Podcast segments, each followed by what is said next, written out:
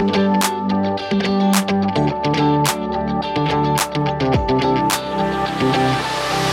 er jeg som er Tesse, Og det er jeg som er Amanda.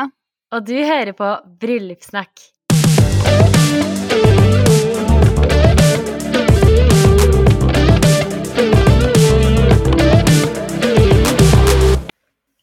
Da var det endelig torsdag igjen, Amanda, og klart for en ny episode av Bryllupssnakk.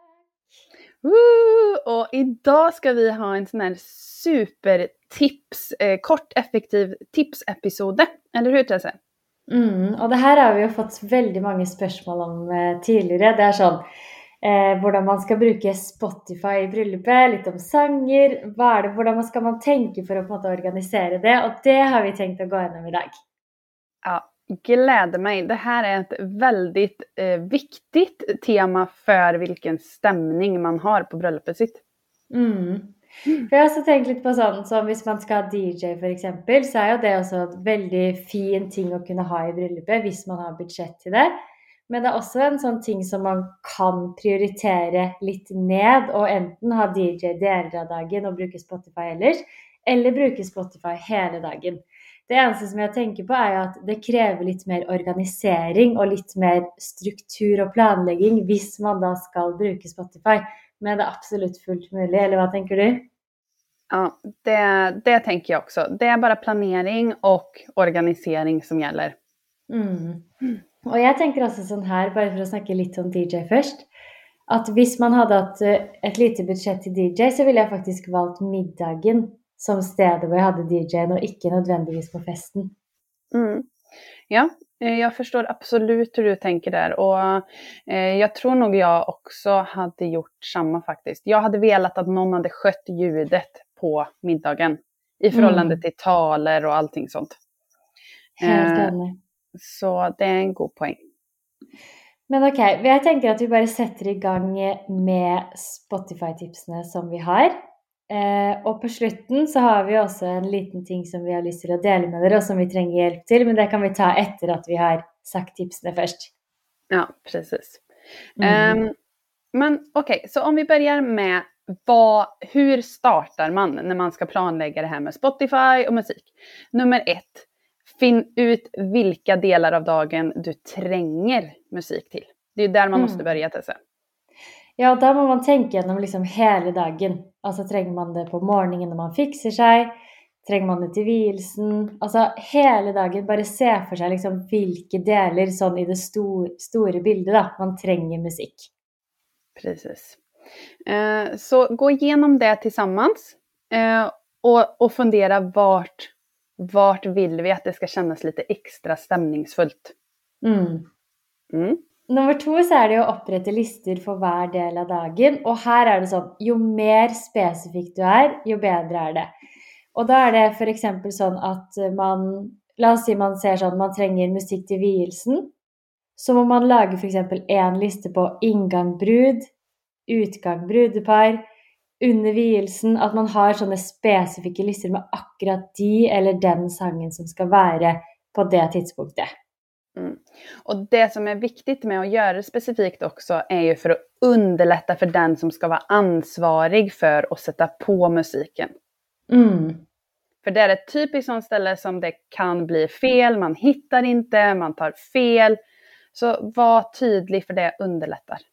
Mm. Eh, og nummer tre, det er jo egentlig den morsomste, men kanskje mest krevende jobben. Og det er jo å fylle listene med de sangene som du vil ha.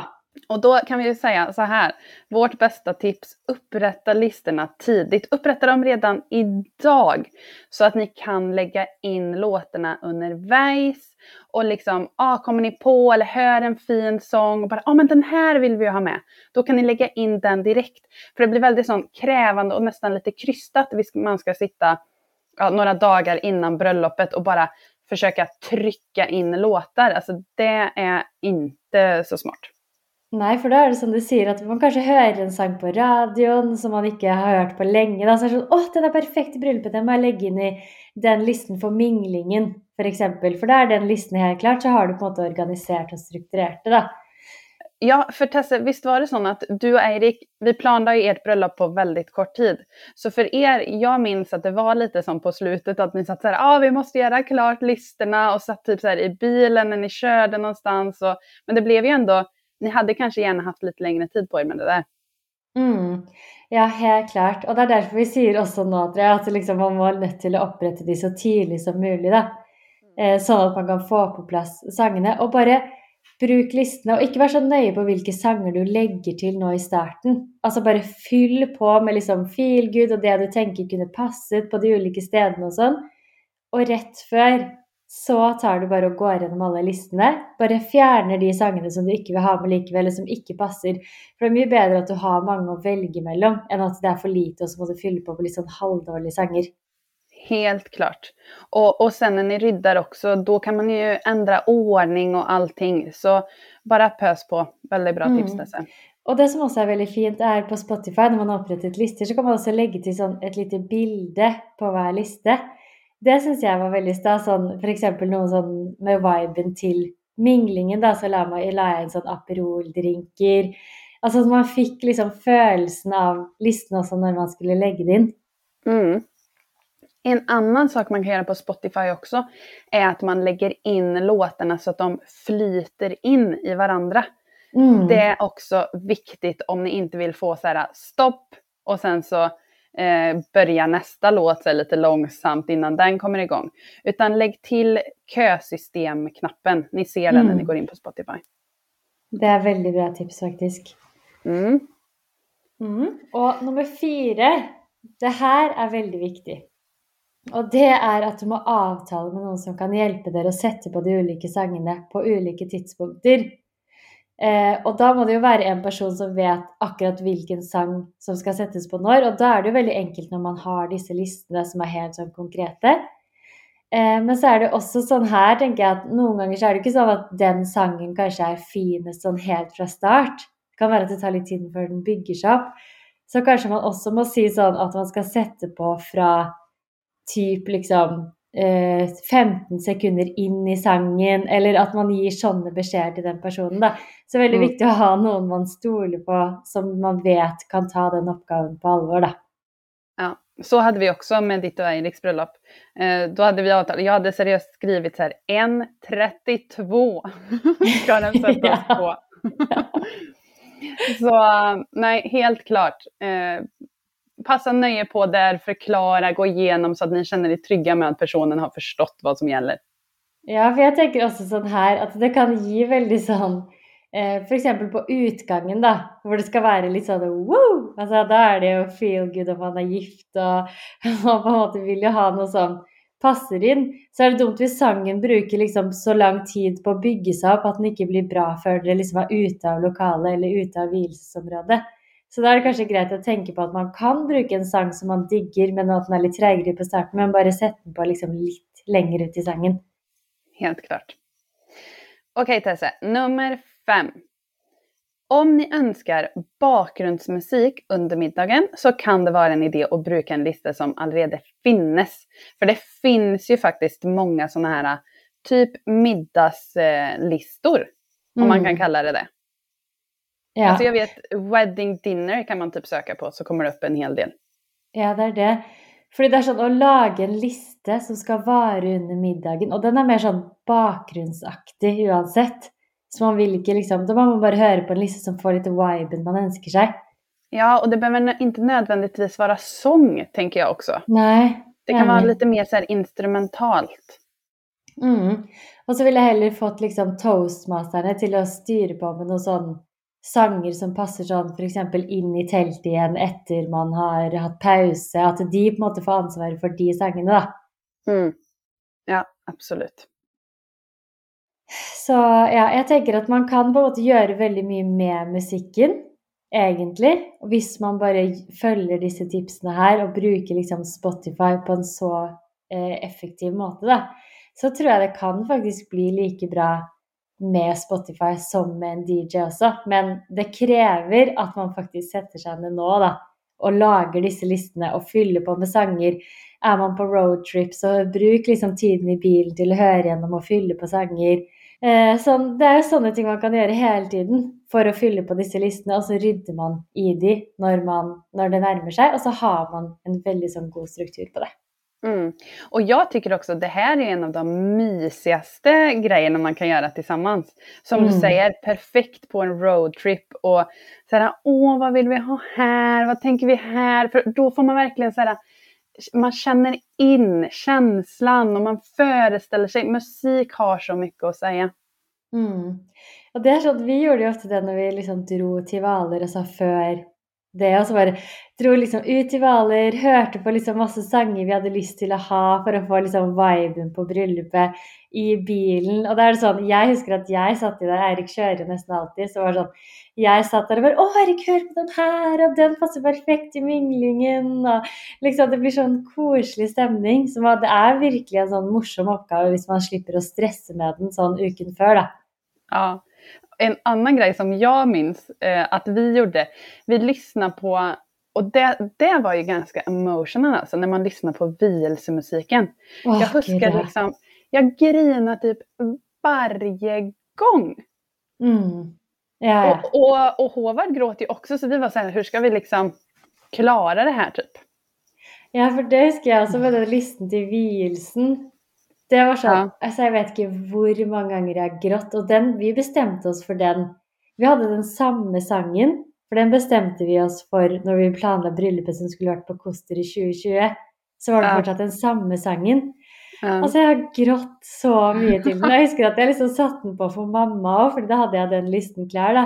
Så jeg bare vurderer å liksom gå inn til den her, og hun liksom begynte å gråte. Hun bare Herregud, det er så vakkert, skjønner du, fordi det betyr så mye når du setter det liksom i konteksten det skal være i, da. Ja, ja, nej det... um, Så, og, men det kan jeg tykke nu også, for ibland så kan Håvard vilja sätta på, du vet, bröllopsmusiken så här, och lyssna. Ja. Men då, då kan jag nästan vara, nej men Håvard, nej, jag, jag, orkar inte, jag orkar inte gå in i det nu. Jag, liksom, jag är inte i det modet att jag kan börja med en gråtfest. Typ. jeg vet det er sånn. ja, ja, og da er det nesten sånn OK, har jeg energi til det? Mm. Men ikke annars, Da får bare Nei, det går ikke nå. Jeg, jeg klarer inte. Nei, men jeg er helt enig, fordi det er så Åh, det er så mye følelser knyttet til det. Og det føler jeg altså når man har de listene i etterkant av bryllupet. Veldig gøy å liksom høre tilbake på de, da. Ja, det också. Man kan lyssna på dem på bröllopsdagen, man kan lyssna på det så här när man firar någonting. Äh, jättemysigt. Ja, veldig. Eh, og så er det jo en annen ting som vi nevnte innledningsvis òg. Det er jo at eh, vi har opprettet nå tre forskjellige lister på Spotify. Eh, hvor den ene heter Bryllupssnakk vielse. Mm. Den andre heter Bryllupssnakk mingling. Og den tredje heter Bryllupssnakk førstedansen. Altså. Eh, altså, ja, ja. Og så tanken er nå at vi har jo fylt på en del sangere der som dere kan gå inn og høre på allerede, og plukke til deres egne lister. Men det som hadde vært veldig gøy, hadde jo vært hvis alle dere snakkiser fylte på disse listene med sanger som passer til de forskjellige områdene i bryllupet. Og så kan vi liksom sammen bare ha tre skikkelig bra lister som vi kan plukke fra. Ja. Ja, ja, ja, ja. Och lägg in era vielselåtar. Alltså det kan ju Ja. alla göra. Förstår ni vilken fantastisk bank med alla snackisars låtar? Oh my god. Ja, og tenk hvis man liksom sitter der litt sånn Jeg har full kontroll på vielsen, men minglingen syns jeg er litt van vanskelig. Så kan man bare gå inn liksom på minglingen og bare plukke med seg noen sånne bra låter som andre snakkiser har lagt inn. Ja, ja det, det her er så bra. Så det her er en av de mest geniala ideene vi har hatt. Hesse. Ja, det syns jeg òg. Og tenk deg de listene! Jeg gleder meg bare til å høre hvilke sanger dere legger inn. Og bare Ja, jeg spille listene her hjemme og kose meg med det. Ja, det kjenner jeg også. Ja. Det skal bli så kul. Og jeg tenker, vi begynner jo nå med å legge inn noen av våre favoriter og de låtene vi hadde. Mm. Mm. Ah, veldig, veldig gøy. Men da er det bare å sette i gang, egentlig, tenker jeg, med eh, listene. Og gå, ut, eh, gå inn på Spotify og sjekke ut eh, Bryllupssnakk sine lister der. Og legge til dine favoritter. Og så kommer det til å bli helt fantastisk med musikken på bryllupsdagen. Ja, Så bra. Men och, och Tessa, bara ett sånt praktiskt spörsmål. Hur gör man? För jag blir lite, kan man gilla listan eller kan man spara den? Eller hur gör man för att på något sätt ha tillgång till den? Ja, Det er faktisk et veldig bra spørsmål, Amanda. Fordi det man gjør, er at man egentlig går, når man går inn på Spotify, og så søker dere opp bryllupssnakk mingling eller bryllupssnakk eh, vielse, f.eks. Eh, og da kommer de ulike listene opp, og så er det et sånt hjerte rett under der hvor det står hva listen heter. Og hvis man trykker på det, så blir det automatisk lagt til i biblioteket ditt. Ah, perfekt. Mm, det er bra. Da vet vi hva vi skal göra. Absolutt. Så da er det bare å sette i gang, og så håper jeg at dere fyller listene med masse bra musikk, og at eh, dere syns at denne episoden var nyttig for bryllupsdagen. Ha en god torsdag dere og en fin helg når den tid kommer.